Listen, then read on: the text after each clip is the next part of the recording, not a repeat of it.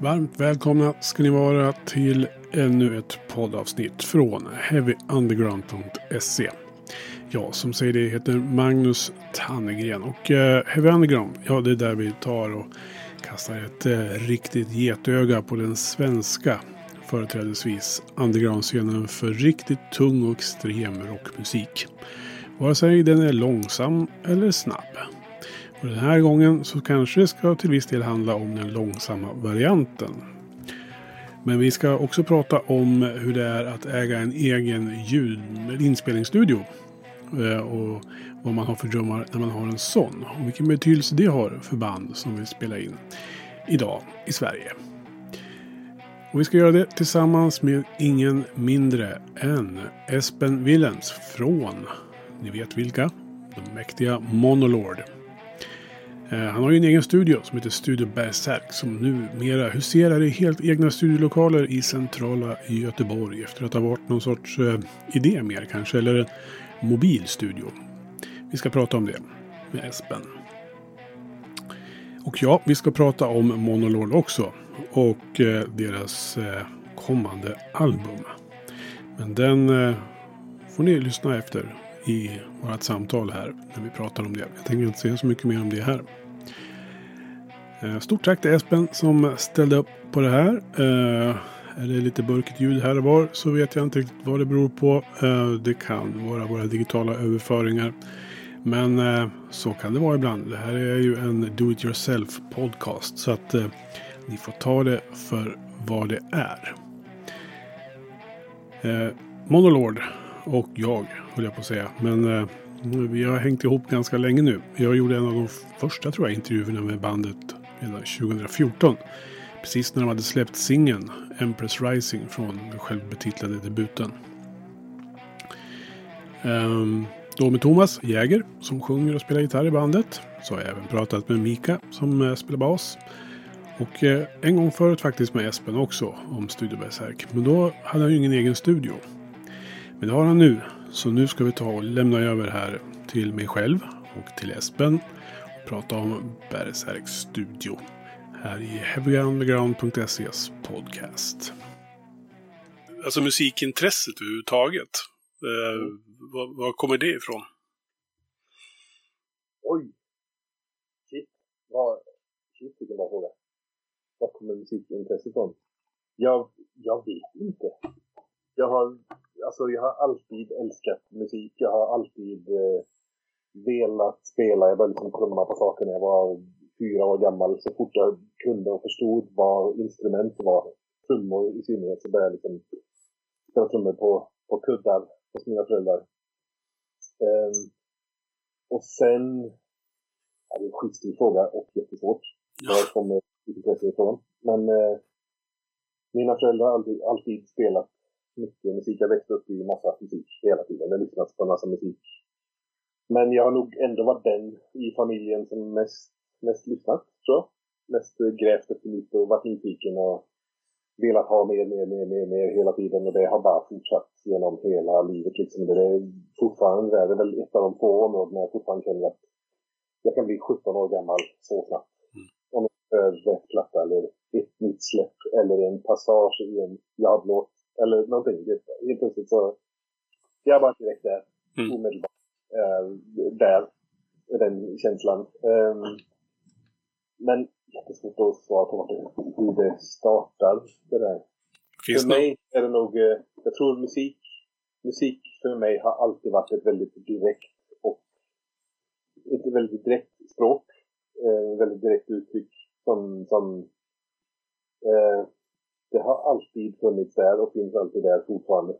Mm. Eh, eh jag säger, jag läser alldeles för lite tyvärr. Jag läser mängder av, alltså jag tar till mig nyhetsmedier högt och lågt. Det läser jag, men böcker är skitdålig på att läsa. Det har varit för länge för att huvudet går på för högt varv och jag kan inte varva ner. Så jag kan liksom, jag kan ta upp en bok, läsa 20 sidor och inte minnas ett ord av vad jag sa för ögonen registrerar texten men huvudet är någon annanstans. Och musik har alltid varit det motsatta. Det spelar ingen roll hur stressad jag är, hur mycket jag har att göra, vad jag än är. Så, så Sätter, man på, på, sätter på mig på lurar och lyssnar på något jag tycker om eller något nytt jag upptäcker så är det liksom då är det bubblan direkt. Mm. Eh, och det minns jag från när jag var liten. Riktigt liten. Den här känslan av att vara i, vara i den där bubblan i liksom en eh, nästan lite magisk värld.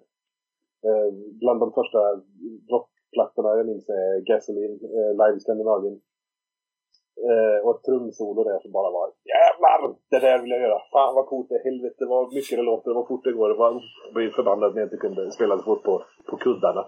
Mm. Eh, men det var samma känsla. Det var vissa låtar på den plattan som är... Jag kan, jag kan lyssna på den idag och känna att jag kanske inte riktigt fortfarande tycker att det är jätteintressant som musik. Men minnet är så jävla starkt. Så det liksom överskuggar det. Mm. Vad jag egentligen tycker om musiken är känslan av oh, det är inte till den låten.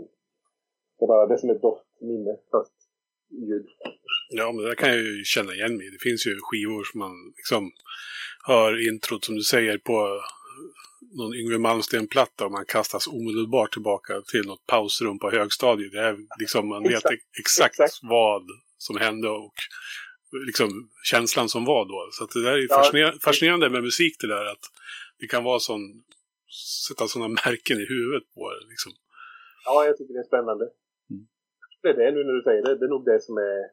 Jag vet inte om det var där det startade, men det kanske var det. Det är i alla fall det som fortfarande är drivkraften för min del. Fortfarande letar, alltså som musiker fortfarande letar efter det där. Eh, letar efter något som berör mig på det sättet och förhoppningsvis då någon annan. Eh, och det är samma när jag lyssnar på ny musik. Där, där är jag jagar hela tiden. Det är liksom jakten på den där nästa fix. Ja, på det sättet. man vill ju ha den där, tillbaka den där känslan. Ja, exakt. exakt. Men jag kanske inte lika lätt överväldigad nu som när jag var 17. Nej. Men jag blir det fortfarande. Ja. Jag, när, när jag diggar något så är jag fortfarande helt... Jag kan bli helt hudlös. Mm. Ah, vad bra det här är.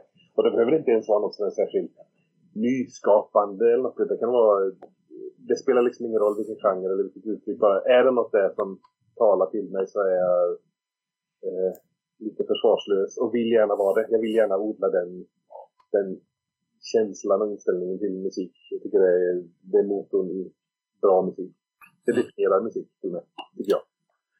Du nämnde Gasolin där, men finns det några andra sådana här plattor som, som du har den där minnena till då som du letar efter förutom den? Alltså som jag letar efter nu fortfarande, tänker du? Nej, som då, när, det, när, det liksom, när du var ung och påverkbar, eller vad man ska säga. Ja. Lätt påverkad. um, jo, det finns det ju, såklart. Um, det är alltid svårt här. Lista tio influen influenser, men uh, en platta som gick mycket, det var Led Zeppelins 2. Det är ett sånt barndomsminne där jag minns att eh, när jag lyssnade på den så var det också så här Fan vad coolt det här är. Eh, men då kan jag inte riktigt sätta ord på det. Då bara Fan vad coolt det här är. Det är något jag vill ha igen och igen och igen och igen. Eh,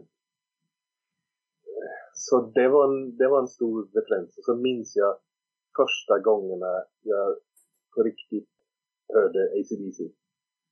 Och då var jag typ 13 eller 14 mm. innan jag hade hört det men liksom inte, av någon anledning inte riktigt registrerat det. Och det jag lyssnade på då det var eh, det var vet du det, High Voltage och eh, vilken var det mer? Jag tror det var Power Age. Jag tror det var de två eh, och Flick of the Switch av någon anledning. Jag tror det var de tre liksom i början. Och det var samma, samma känsla där. Fan, det här är ju, det här är ju för bra för att vara sant. Helvete vad bra det här är. Och så lyssnar jag på igen. Och fan vad bra det är. Kom om igen. Uh, och det, de är fortfarande en referens. Nu kan jag tycka att ja, det är lite trött. Och jag fattar dem som bara inte står ut med ACDC som det här trötta gubbrock arena bandet liksom. Men jag har kvar att när de släpper en ny platta så är roligt. Lyssna på nya ACDC. Fan Och det är kopplat till det såklart. Eh, hade, de varit, hade senaste plattan varit deras första platta så det är förmodligen bara helt avfärdat det liksom. Men det är med katalogen av minnen kring det bandet och soundet och allt som fortfarande är kvar som en referens. De är för övrigt ett bra exempel på att jag kan fortfarande ha tidiga ACDC-plattor som referens i när jag sitter och gör ljudjobb. Mm. Eh, och inte i att det ska låta på samma sätt, utan bara mindsetet kring hur de är ihop, hur de är producerade. för Jag tycker det är så oerhört bra produktioner. Det är så musikaliskt.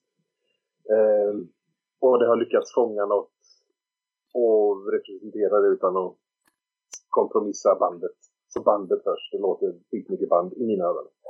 Eh, jag känner samma med jättemånga som var plattor och det är också en artist jag kanske inte lyssnar på varje dag eller varje vecka eller varje månad ens, men älskar fortfarande. Och är med som en stadig referens någonstans. Vilken, vilken era Tom Waits pratar vi då? Uh, är det Jazz-Tom eller är det Skrammel-Tom? ja, mest Skrammel-Tom. Det var, det var så, det var det som var ingången liksom, ja. till Bone Machine. Det var här oh. första albumet. Jag bara kände helvete, det här är ju helt sjukt. Fan vad bra det är. Uh, men nu är det nog allt, kan jag. Uh, jag gillar Jazz-Tom jättemycket också. Men förmodligen för att jag har jag lyssnar på det med de öronen. Så även om jag sätter på allra första plattan som jag har glömt titeln på just nu. Men den är väldigt sådär nattklubbs ja. Och jag, jag älskar den. Jag tycker den är helt grym. Den är fantastisk. Men Skrammel-Tom, om man nu ska kategorisera så.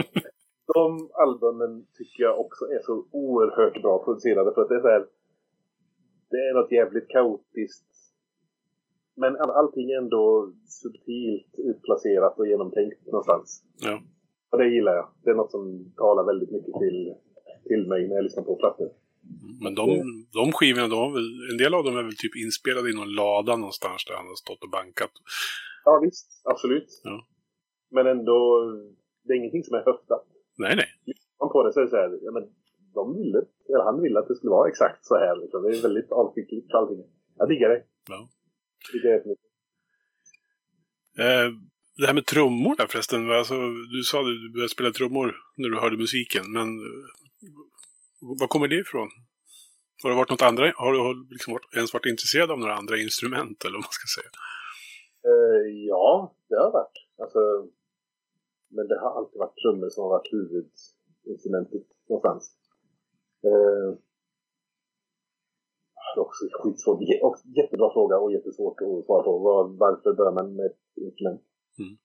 Um, Gasoline var en väldigt tydlig influens men det låter ju som att den plattan var skälet till att började trummor. Hade inte den plattan existerat så hade jag säkert ramlat på något annat som hade triggat samma sak. Liksom.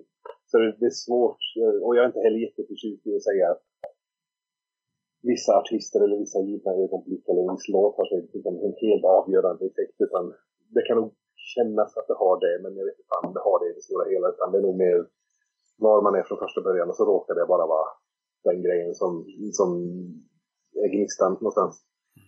Eh, men jag vet inte varför trummor. Jag, jag, jag vet inte. Eh, jag, jag minns att jag jätte, jättetidigt så ville jag liksom banka med.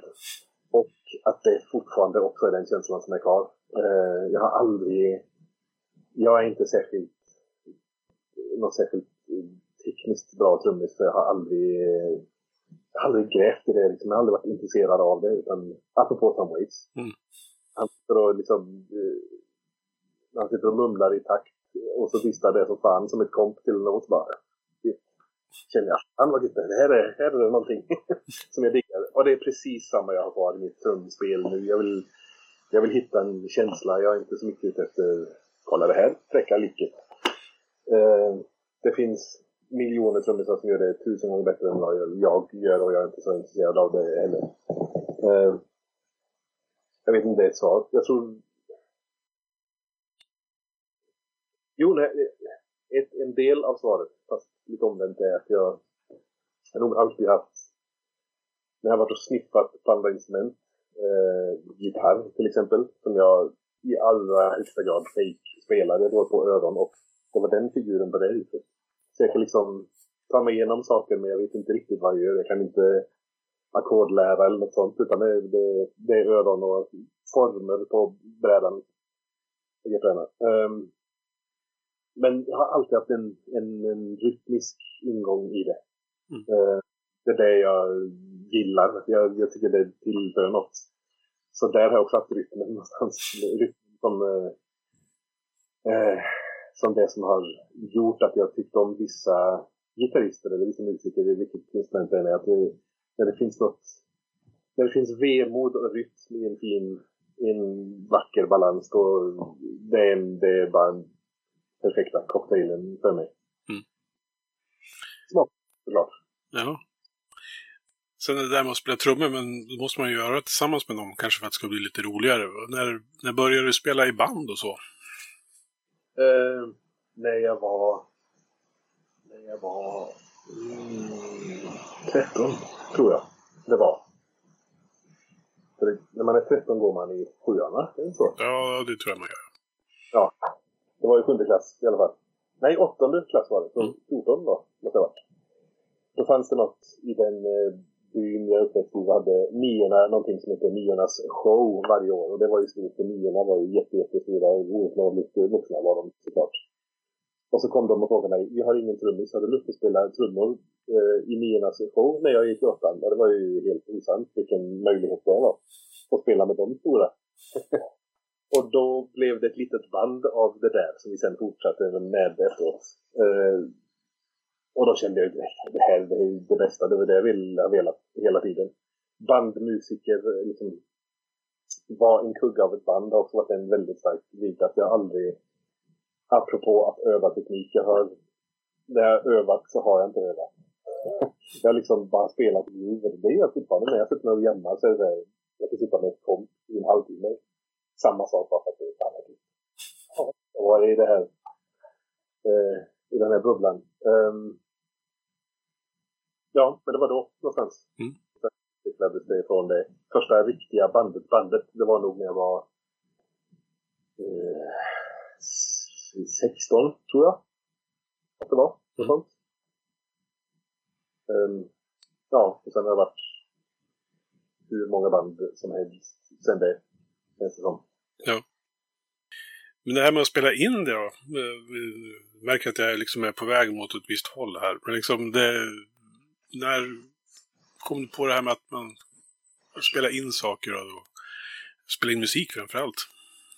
Det var när jag flyttade till... Eh, jag bodde i en liten by, flyttade till en större. När jag flyttade till den större så fanns det ett musikhus där som jag sniffade upp direkt såklart.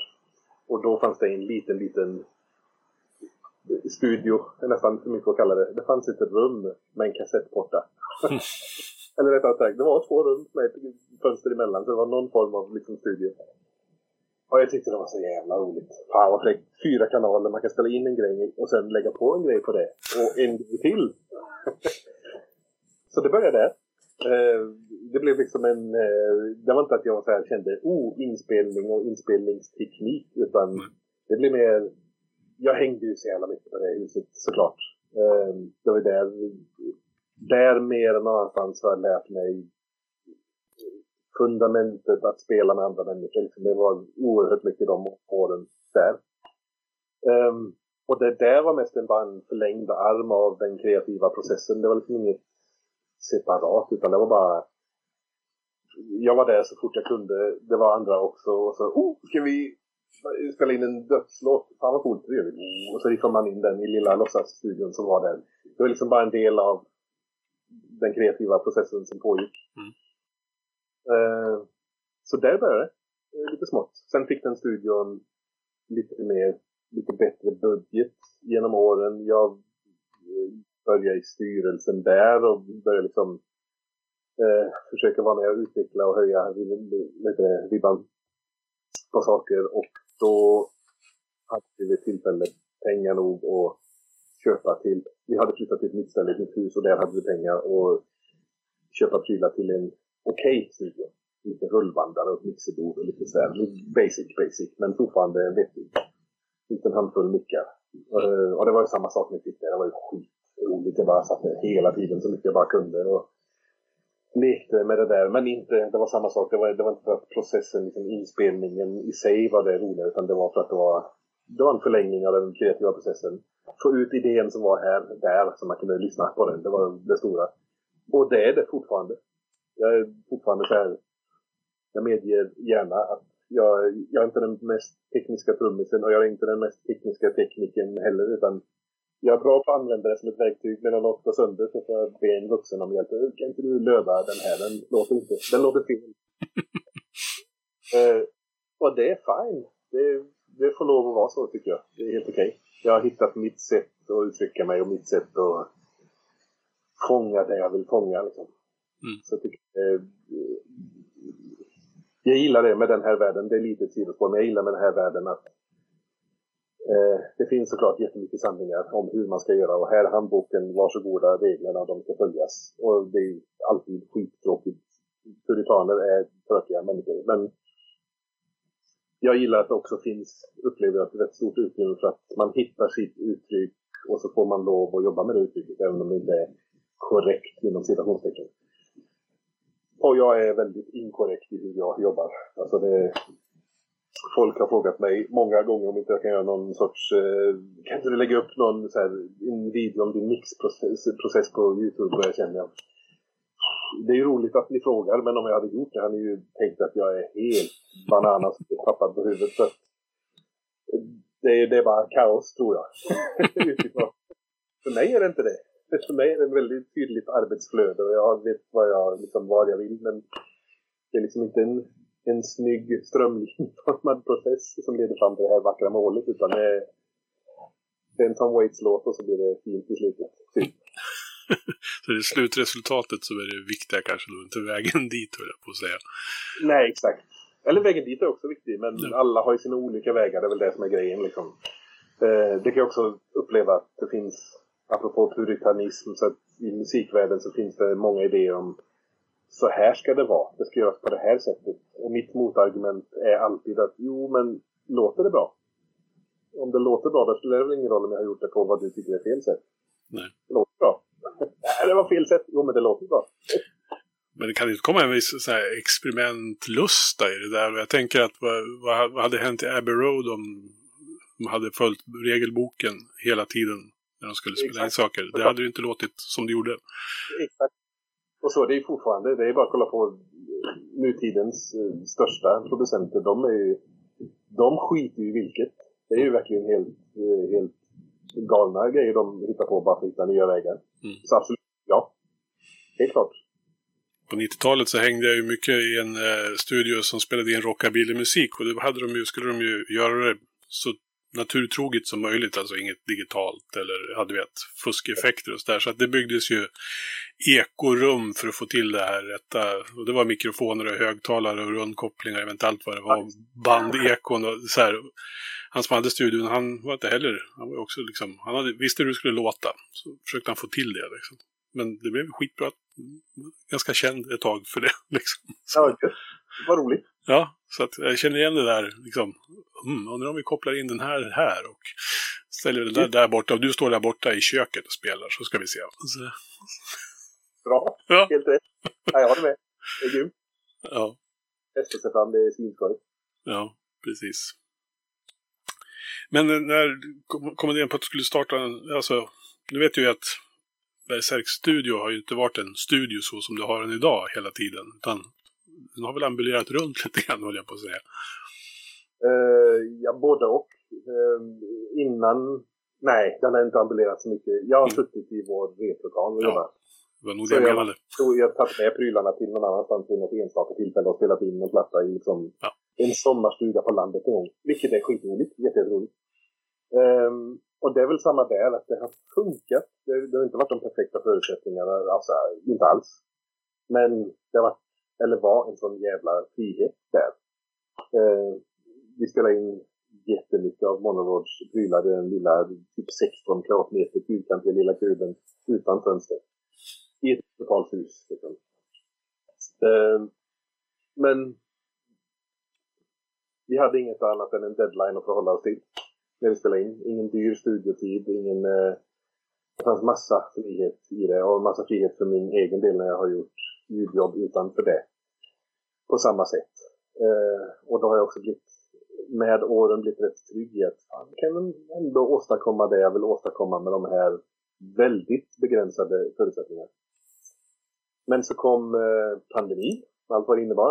Eh, och efter en stund in i pandemin så fick jag via en kontakt veta att den studien jag sitter i nu, den eh, mannen som eh, har byggt och drivit den i typ 30 år, han skulle, eller håller på att gå i pension. Han, han har flyttat till andra sidan av landet och bygger en liten projektstudio där. Men han ville avveckla här i Göteborg.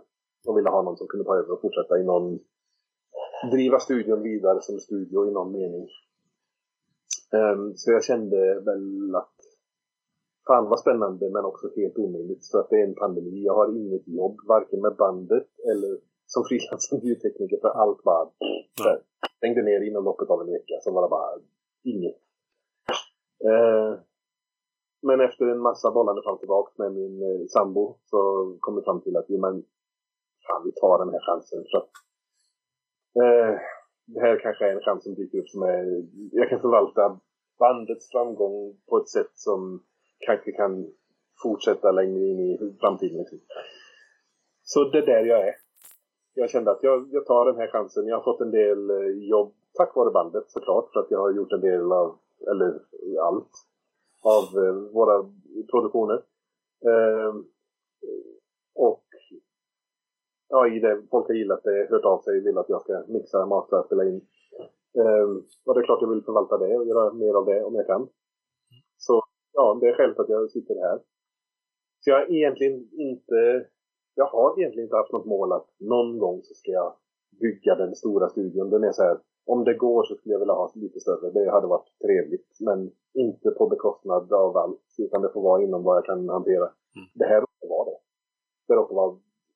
Saker händer bara helt exakt ett tillfälle. Och jag, eh, vi lyckas trolla lite med knäskålarna ekonomiskt. Så vi kunde få ihop det eh, någonstans. Så ja, därför sitter jag här. Ja. Hur har det varit att liksom flytta in i i en, i en riktig studio så att säga. Så, vad, vad, har du, hur har du, vad har du lärt dig det här året? Eller hur länge har du varit här? Sen årsskiftet. Ja, det är inte länge så. Um, jätteskönt. Uh, först skräckinjagande på grund av pengar såklart. Mm.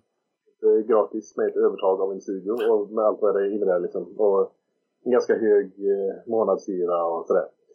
Eh, men sen när jag landade i det och märkte att jo, men det här funkar, jag kan, eh, jag kan hålla det här flytande kanske tillräckligt länge för att det ska bli självbärande.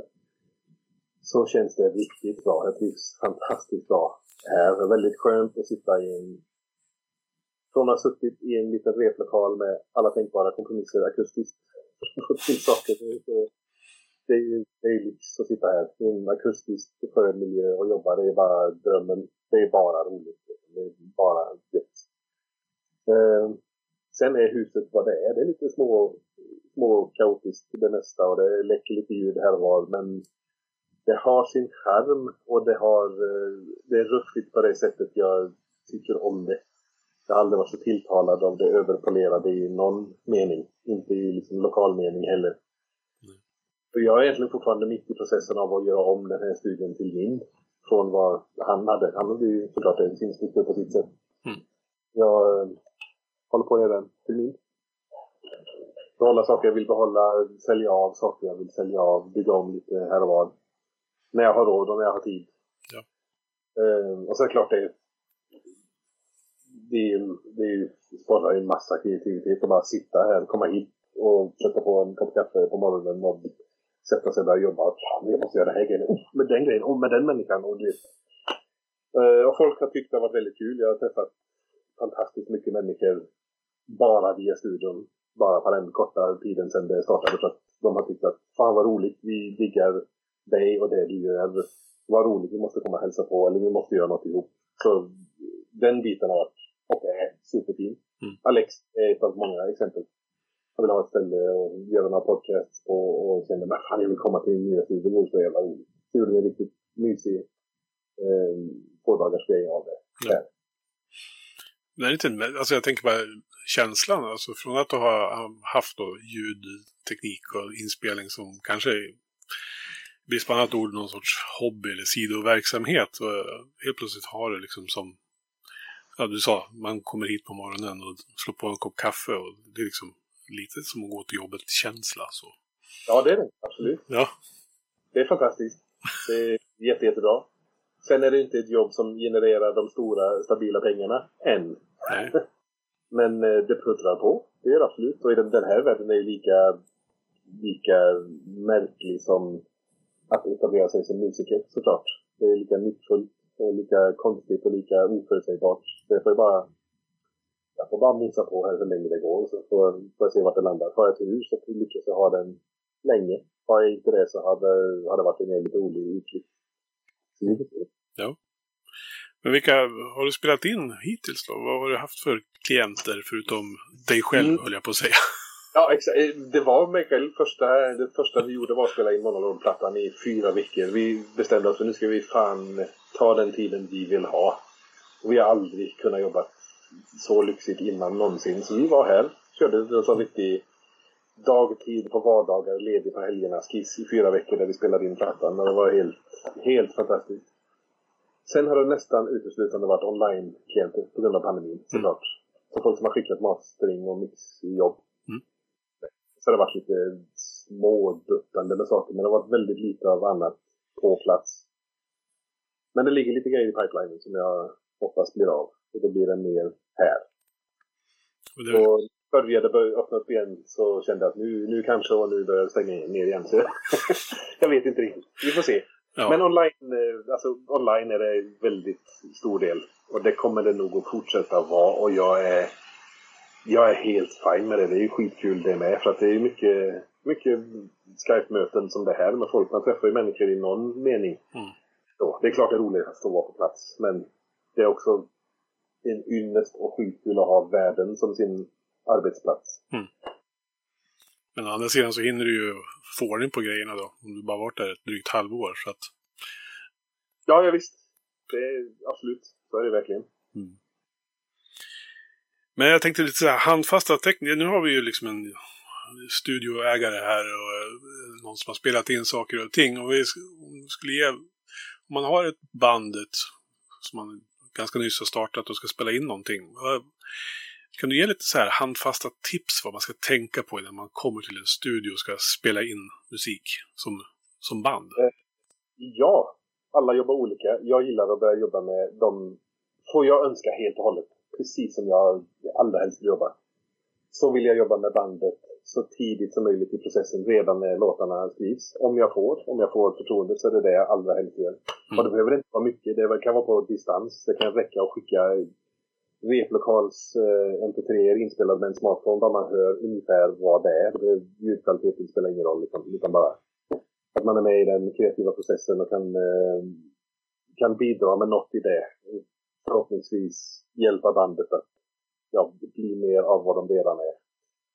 Eh, och det tror jag mycket på för att jag tror mycket på att vara klar när man kommer till studion. Vara helt inrepad med allt har gjort förproduktioner, vilken nivå det än är på dem. Alltså med andra ord, förproduktioner är, är när man spelar in, egentligen spelar in hela plattan. Bara för att veta vilka pålägg vill jag ha, hur vill jag att låtstrukturen ska vara. Om man har specifika mixidéer man tycker är viktiga för låten så kan de vara med i förproduktionen. Man kan liksom väldigt konkret testa idéer. Och det kan de flesta för att alla har en laptop på garageband. Det, det, det är skitlätt att spela in något eh, billigt. Mm. Um, så ja, det är det. Um, jag, jag tror jättemycket på det. Att jag, låta den man jobbar med få lov att vara med i processen så tidigt som möjligt. För det kan också i andra änden bli att man känner att nej, vi vill spela in allt själva för att spara pengar. Och det förstår jag, för budget är alltid en jobbig faktor. Det är det för alla, mig inklusive. Mm. Man får pengar och så spelar man in allt själva och så skickar man filerna till mig för att mixa. Eller alternativt mastra.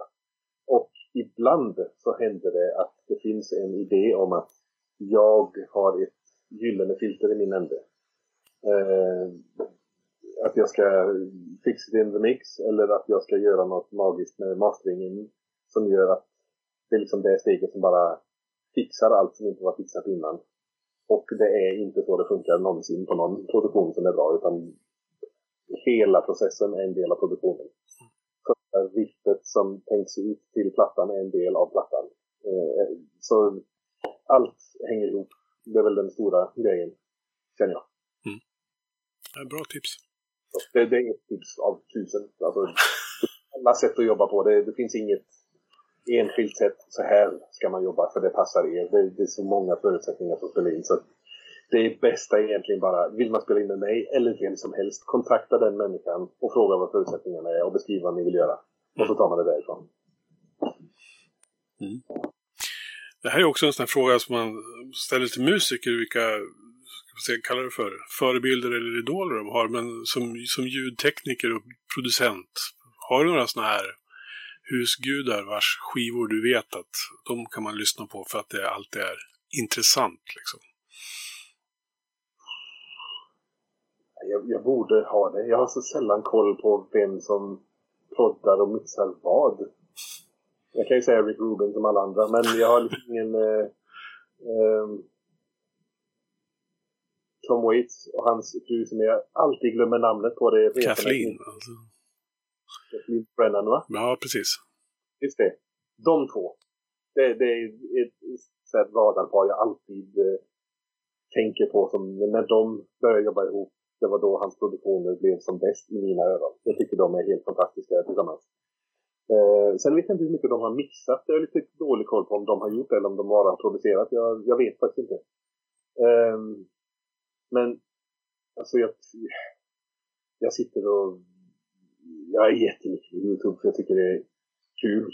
Och jag har inga namn sådär som jag tycker är den här personen har varit en avgörande utan det handlar mer om att jag hittar personer eller tillfällen som pratar om kreativa processer i det här och det jag tycker är viktigt. Och så oftast det jag tar till mig. Jag tar sällan, jag är inte så intresserad av exakt den här micken eller du ska testa den här eken för den är jävligt fräck utan jag vill lyssna på jag tycker det är spännande att lyssna på människors kreativa processer, vare sig de är musiker eller ljudtekniker eller producenter eller vad de än är. För att det har jag utbyte av. Mm. Sen är det såklart det är klart jag vill jobba med bra grejer och det är klart jag vill försöka vara så uppdaterad jag kan men jag är, jag är fan hopplös på, på liksom jag kan inte skulle du be mig att lista vad är dina fem bästa EQs? Eh, den där med den röda knappen, den är grym. Det är inte fullt så illa, men nästan. Eh, för jag har ett helt annat fokus hela tiden. Att jag, jag, kan, jag kan mina verktyg. Eh, och jag vet hur jag ska använda dem för att nå dit jag vill. Men jag har, jag har så oerhört lite drivkraft utrustningsmässigt.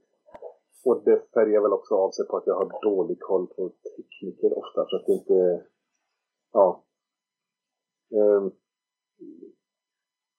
jag har inte så många på det sättet. Jag tycker också Steve Albini är grym. Det finns många. Men det är klart, vem gör inte det?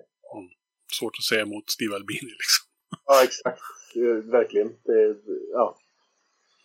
Men så finns det andra som bara sitter hemma och gör världens bästa plattor i sitt sovrum. Så det är... Jag vet inte. Mm. Nej, jag, nej, jag har inga tydliga producent eller mix-tekniker-referenser sådär. kanske är bra. Då har man liksom ingenting om man vill imitera heller. Uh, nej, eller jo, det är klart jag vill. Jag är väl intresserad av uh, allt. Men uh, ja, vilken bra fråga. Jag måste nästan eh, marinera det lite, känner jag. Du får göra det. Ja, gör det. tar vi det nästa gång.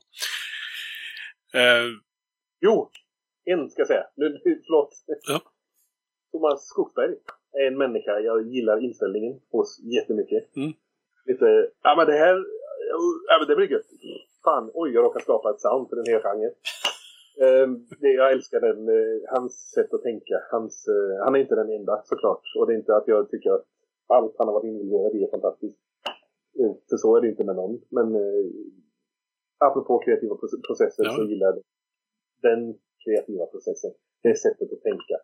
Det där lite nyfikna, lite medvetet kaosartade. Jag, jag vill vara sån själv. Jag vill inte så här Eh, det, finns, det finns inte rätt eller fel, så jag hävdar inte att mitt sätt är rätt, utan det är bara rätt för mig. Och jag, jag gillar skitmycket om jag ska rigga för någonting. Att jag, jag vill inte sitta och förbereda riktigt. Jag kommer dit, jag vill veta sättningen på bandet och hur, vad deras instrumentering är. Hur många pukor trummisen har, den typen av detaljer. Men jag sitter inte och förbereder, förbereder att jag tror jag ska ha de här mickarna på det där sättet. Utan det är mer, jag testade lite, lite medvetet slarvigt.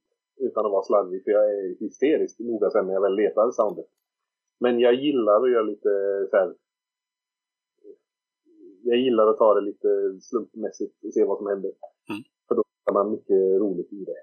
Ja. Att helt plötsligt den micken här lät ju svinbra. Det är klart vi ska, vi testar vi inget mer. Det här lät jättebra. Lämna det där. Och, och.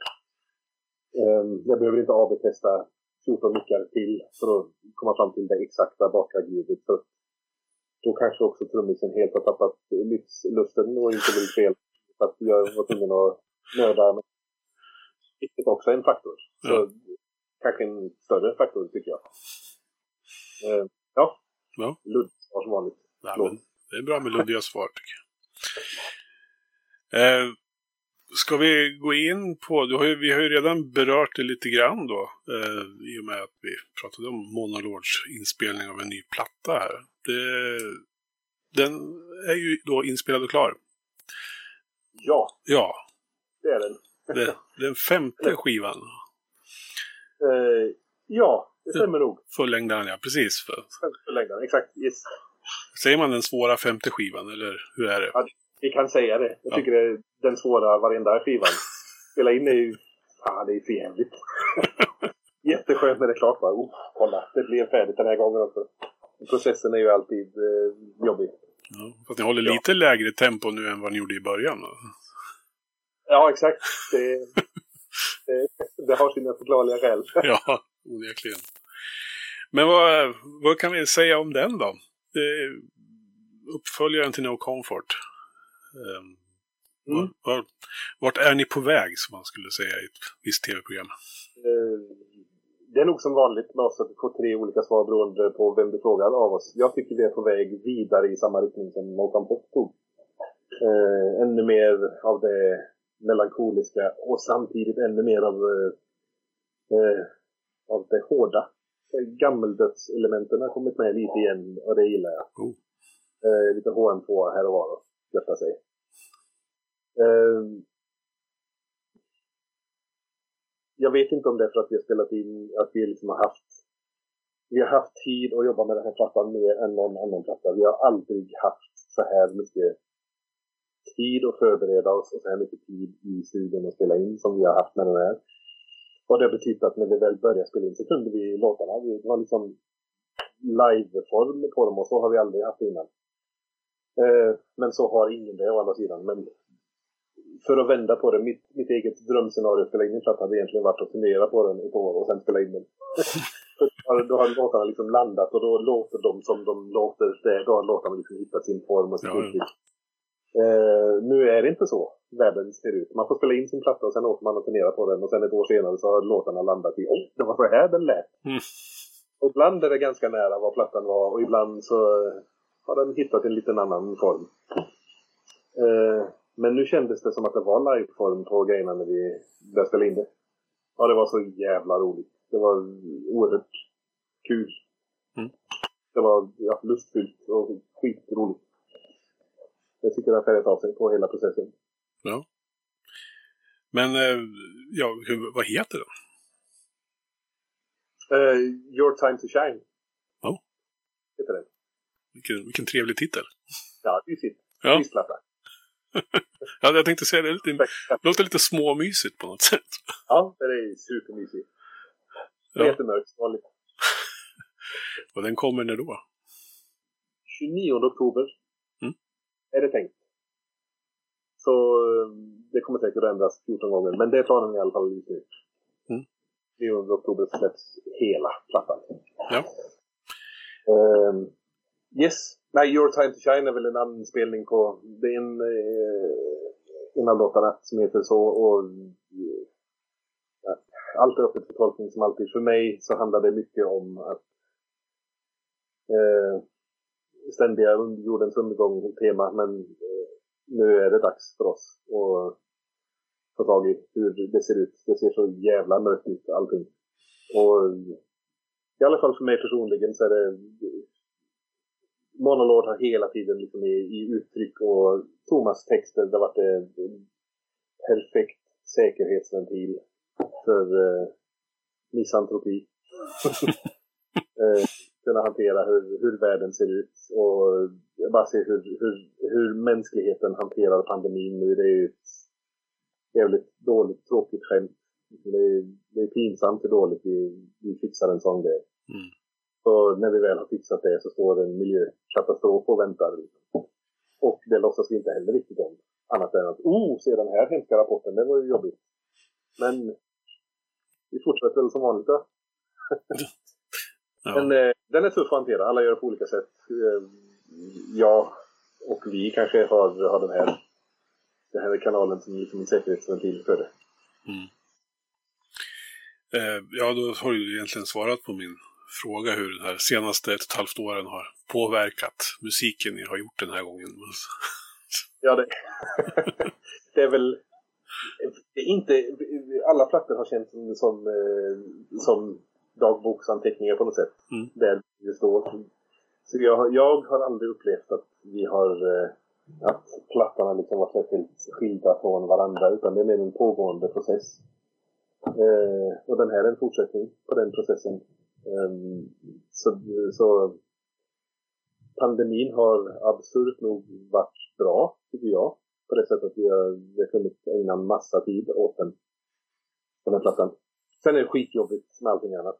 Det är fruktansvärt att folk dör i hela världen och att eh, massa människor påverkas jättemycket ekonomiskt av det som händer. Och, eh, skitjobbigt att inte kunna eh, göra något eh, med bandet annat än liksom i skymundan. Mm. Fortfarande inte riktigt veta hur framtiden ser ut med saker. Men ni har ju, Men vi vet inte om det kommer att ändras igen. Så att nu stänger saker ner igen. Så det kan mycket väl vara att planen skjuts på igen. Var det liksom lite nya verkligheten. Och så här länge, så här stor del, hur länge har pågått nu? Det är snart, ja det är ett och ett halvt år fast. ja, början, början på 2020 va? Började det väl röra på sig. Så Precis. i mars Eh, 2020 så stängde Sverige ner va? Så var det. Ja, exakt. Mm. Det är ganska lång tid av bandets historia som har varit pandemi då. Mm. I det perspektivet. Det har liksom landat i en ny underlig verklighet. Jag satt i en annan intervju och pratade om precis det där med bandet. Och det är nog den intervjun var väl två, tre månader sedan tror jag. Mm. Eh, där frågan kom upp igen. Vad, vad händer med framtiden för musik, med bandet, med turnéer, vad jag trodde om det och hur jag kände kring det. Och, eh, då kommer det upp med tankar kring, kring bandet att eh, det känns ju väldigt teoretiskt. Just nu så känns bandet väldigt teoretiskt. Är vi ens ett band just nu när vi inte står på en scen och spelar musik eller är på väg till en turné? Vi finns fortfarande. Vi, vi, vi är inte på väg att splitta oss på något som helst sätt. Mm. Finns och vi, vi gör saker. Vi har idéer men eh, det känns som en väldigt, det känns mer som en idé än ett band ibland. Jag tycker när man inte får stå på en scen och spela. För det är det som är hela navet, det är hela, det är hela skälet till att få det är skälet att vi gör det vi gör. Jag, tänk, fall, jag tänkte säga det, Monolord är ju ganska kända för att vara ett hårt turnerande band. Sådär. så nu sitter vi här och har de jobbiga samtalen dagligen nästan. Ja, hur gör vi med den grejen? Hur gör vi med den grejen? Ja. Och gissa lika mycket som alla andra, för vi vet ju inte heller. Vi får ju lyssna på de som eh, kan det här bättre än oss. Och samtidigt en massa politiskt och ekonomiskt spel runt det, så det är skitsvårt. ja. Jätte- förstår det. Hur, hur har det påverkat bandet på något annat sätt än alltså rent den här praktiska planeringen och sånt där när ni har nu, höll jag på att säga, tvingats spendera så mycket tid tillsammans på det här sättet istället? Um, nej, vi har spenderat jättelite tid tillsammans faktiskt. Uh, minnen vi gör när vi turnerat, då är vi ju då är vi ju fan på varandra hela tiden. Ja, Så nu har det varit jättemycket tid med våra närmsta. Också en annan helt absurd eh, bonus med pandemin. Det känns ju helt fel att säga bonus och pandemi i samma mening. Men det har varit jätteskönt att vara hemma med familjen så mycket. Jag njuter jättemycket av det. Mm. Det är den av biten med att turnera, att inte vara med dem. Jag älskar att turnera, men att inte vara med familjen är, det är skittufft. Det är liksom en ständigt pågående balans. Ja. Och det har alla tre gjort. Vi har varit jättemycket med våra närmsta. Det har liksom varit det stora. Ja, det. Så vi har, vi har sett när vi har, eh, när vi har haft en specifik plan att göra något. Så vi har liksom inte hållit någon Det har inte varit så här ett rep i veckan bara för att, utan det har varit väldigt inför platta, inför eh, kommande grejer som sen ställdes in och så vidare. Och så vidare. Mm. Men ofta. Vi bor inte i Göteborg allihop. Eller, vi bor lite, lite utspritt så det, blir... Men det är mycket, mycket telefon. Ja. Jag tänkte ni har ändå spenderat rätt mycket tid tillsammans. Jag menar från 2014 fram till då pandemin. Ja, du menar så! Ja, pandemin ja. började så här så att så nu, som du säger, bandet blir mer en idé liksom. Eller finns i teorin eller vad man ska säga. Nej, de missförstod det Ja. helt. Ja, du tänker att vi spenderar mycket tid och så kom pandemin helt plötsligt och helt plötsligt så... Ja, jag tänkte hur, hur det påverkar bandet som band. Liksom. Så här, Ja, just det. Relationerna. Förlåt, jag Ja, nej, det är ingen, ingen fara. Eh, ehm, jag vet inte riktigt. Ehm, vi tog en paus precis eh, innan pandemin. Då hade vi bestämt oss för att nu har vi jobbat jävligt hårt sen bandet började liksom turnera hårt som helvete. för att vi fick en möjlighet och ville förvalta den. Och vill fortfarande såklart. Men så kände vi att nu är vi vi är på gränsen till att vi fortsätter med samma tempo så kommer vi bränna ut oss. Det vill vi inte. Vi vill fortsätta med det här för att vi älskar det vi gör såklart. Så i samråd med våra bokare och manager så, så bestämde vi oss. Vi tar en eh, turnépaus första säsongen i 2020. Så den var planerad att ta en paus där och sen kom pandemin. så vi, på sätt och vis var det någon bisarr tur det där. Vi var redan liksom i pausmode och nu ska vi nu tar vi vår tid på oss. Landa lite, vara med våra närmsta. Eh, skriva nästa platta i lugn och ro. Ingen får veta när den håller på. Det är bara mellan oss tre liksom, och managern. Det är inget mer. Eh, så för min del så, så började det med en ganska skön grej. Jag jobbat hårt som helvete och det har gett utdelning som är en, den bästa känslan i världen. Det har gått bra för bandet. Det är helt vansinnigt kul vad det som har, det som har hänt och det vi är i. Eh, och äntligen få landa i det, äntligen få liksom eh, suga in det, få reflektera över, eh, över framgången. För det har vi ju knappt hunnit heller. Det har bara varit från ena grejen till nästa hela tiden. Liksom. Ehm, och jag har nog ganska mycket varit kvar i det, i den känslan. Och eh, Samtidigt som det har varit jävligt jobbigt med pandemin i sig. Det har varit för oss alla tre med jobb, eh, ekonomi och få det hela att rulla liksom. Få kunna betala räkningar och så vidare. Det, det är ju inte lätt för någon av oss alls. Nej. Men jag upplever kanske ingen skillnad i där vi är som band annat än att vi behövde den pausen. Nu råkade den pausen bli vansinnigt lång men vi har ju fortsatt att vi fortsätter ju att höras och ses som vanligt. Det har Mm. inte ändrats någonting. Möjligen att det fanns ännu mer lust och energi när vi spelade in plattan. Utöver massa tid. Mm. Men att det fanns så här, vi, vi, vi fick möjligheten att verkligen landa och få tillbaks hungern efter. Åh, nu ska vi börja med den här grejen igen. Fan vad roligt. Och den har man kanske fått jobba upp lite mer innan. Inte att det finns, inte att det är olust att spela in nästa platta, men det har varit väldigt mycket då var den turnén slut, hem och andas i 45 minuter, sen börjar liksom produktionen med nästa platta. Så man hinner knappt landa emellan och, och få tillbaka energin, utan det bara mosa, mosa, mosa hela tiden. Ja. Ja. Men eh, framtiden då? Vad, vad vi hoppas eller vad, tror du? Ni har, ju en turné planerad där i höst va? Ja, det Ja. har vi. Ehm, jag hoppas den blir av.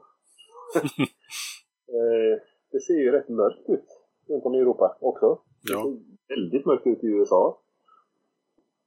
Um, nej, jag vet inte. Eh, alltså det, det här är en av samtalen vi har hela tiden. Oss emellan och med våra bokare och med vår manager. Vi alla famlar. Alla försöker att förstå vad, vad är en vettig prognos, vad är en realistisk prognos på kommande halvåret eller kommande månaden ibland. Att man, vi vet. Jag hoppas att vi får bukt med pandemin så pass mycket så vi kan börja turnera i någorlunda vanlig mening igen. Mm. Och jag tror att vi har möjlighet att fortsätta turnera där vi slutade. Tror och hoppas jag. Mm. Men det vet jag inte heller. Eh, Men det verkar som, på vad jag har sett i USA, så verkar det som att det såklart finns en jättehunger att se livemusik igen. Så när det väl öppnar så är folk helt bananas och vill bara, fan vad gött, livemusik. Sen har det påverkat venues överallt, promoters överallt. Eh, förutom de riktigt stora dinosaurierna. Sådär, de, de står ju helt orubbade som vanligt. Men eh, de mindre aktörerna har det ju slått jävligt hårt mot. Och mm, jag vet inte riktigt hur det kommer påverka oss när det ska ut sen. Jättebra på. Väldigt bra fråga. Väldigt eh, eh, jobbigt men intressant pågående samtalsämne. Ja, det är väl ingen som vet knappt. Nej, exakt. Det, vi vill ut och spela igen. Det, det är ju det som är målet. Det är det som är drivkraften fortfarande. Ja. Men vi pratar ju samtidigt om vad, vad händer om det, allt går åt helvete igen? Vad händer om värsta händer? Att det, det blir ett år till av det här? Mm. Eh, vad händer då? Vi kanske inte tror att det kommer att hända, men vi känner också att vi inte vet. nej. Vi får eh, bolla med de idéerna också samtidigt. Så vad, vad gör vi då? Om vi går in på tredje året av pandemin och tredje året av eh, följdeffekter av det. För det är också en grej att när pandemin väl är över, om det nu kommer en sån dag, när nu är det över, nu är det verkligen, nu har vi fått bukt med det här. Då är det inte, då är det inte så att, att musikbranschen bara, boing, vi fortsätter där vi slutade, utan det kommer att ha en jättelång uppstartsprocess tills det är tillbaka till någon normalitet. Mm. Så det kommer släppa efter en massa förrän det är igång i någon vanlig mening med hela den apparaten. Ja, ja, visst. För det är ju massa, jag vet att du vet det, men många kanske inte tänker på alla människor som är runt. Hela, hela industrin som är runt ett gig, runt de människorna som står på scenen. Det är ganska mycket människor som, som jobbar med musikbranschen för att få ett gig att hända. Mm. Och de är ju påverkade av det här också. De kan ju inte sitta på eh, turnébussföretagen kan inte bara sitta på en vagnpark i åratal utan att ha någonting uthyrt. Utan de får ju till sist bara gå någon annan väg. Ja, det är många som har lämnat branschen så att säga. Det är det, tyvärr. Ja, Och många väldigt duktiga har gjort det för att det har inte gått. nej. Ja, jag fattar det. Ja, man måste göra vad man kan för att överleva liksom. Verkligen. Så är det. Men eh, för att återgå lite till studion, vad liksom, eh, har du något sånt här drömprojekt nu då du skulle vilja ta tag i, så här, i, i studiosammanhang? Då? Som avslutning här på vårt lilla samtal. Önskedrömmen Eh. liksom. Önskedröm. Eh, fan jag har inget bra svar på det. det är så här, jag borde ha... Det, eh, ehm, jo, jag har Eh, önskedrömmar såklart, men det är inget specifikt projekt riktigt. Utan det är så här, jag vill... Eh, jag vill jobba med band som är unga. Det är det roligaste som finns. Jag vill jobba med band som bara är du vet, band som vill ta över världen. Det är något av det, det finaste. Jag älskar det. Jag, jag kan, jag kan, apropå det vi pratade om innan, lyssna på musik och var man är och hur man snabbt kan komma in i den här bubblan av eh, fan jag är 15 år när jag hör den här låten eller jag hör den här nya låten. Det, det tar mig dit direkt. Jag har samma här i studion. När jag jobbar med musik eller jobbar med någon som är jävligt pepp. Det låter som en självklarhet men så är det ju inte alltid. Liksom. Men eh, jag spelade in ett band. Eh, jag vill göra en, en grej med att eh, testa att göra en live-video här för att lokalen är, lokalerna är skitmysiga. De har en viss atmosfär som jag tycker mycket om. Så jag gjorde ett testprojekt eh, med ett band som heter Warhawk. Som är lite så här eh, 70-tals Motorhead-mangel. Eh, De är så jävla bra och det lät så jävla bra och det, bara var, det var bara roligt. Slängde upp mickar och tryckte rekord och det, bara, det låter skitbra.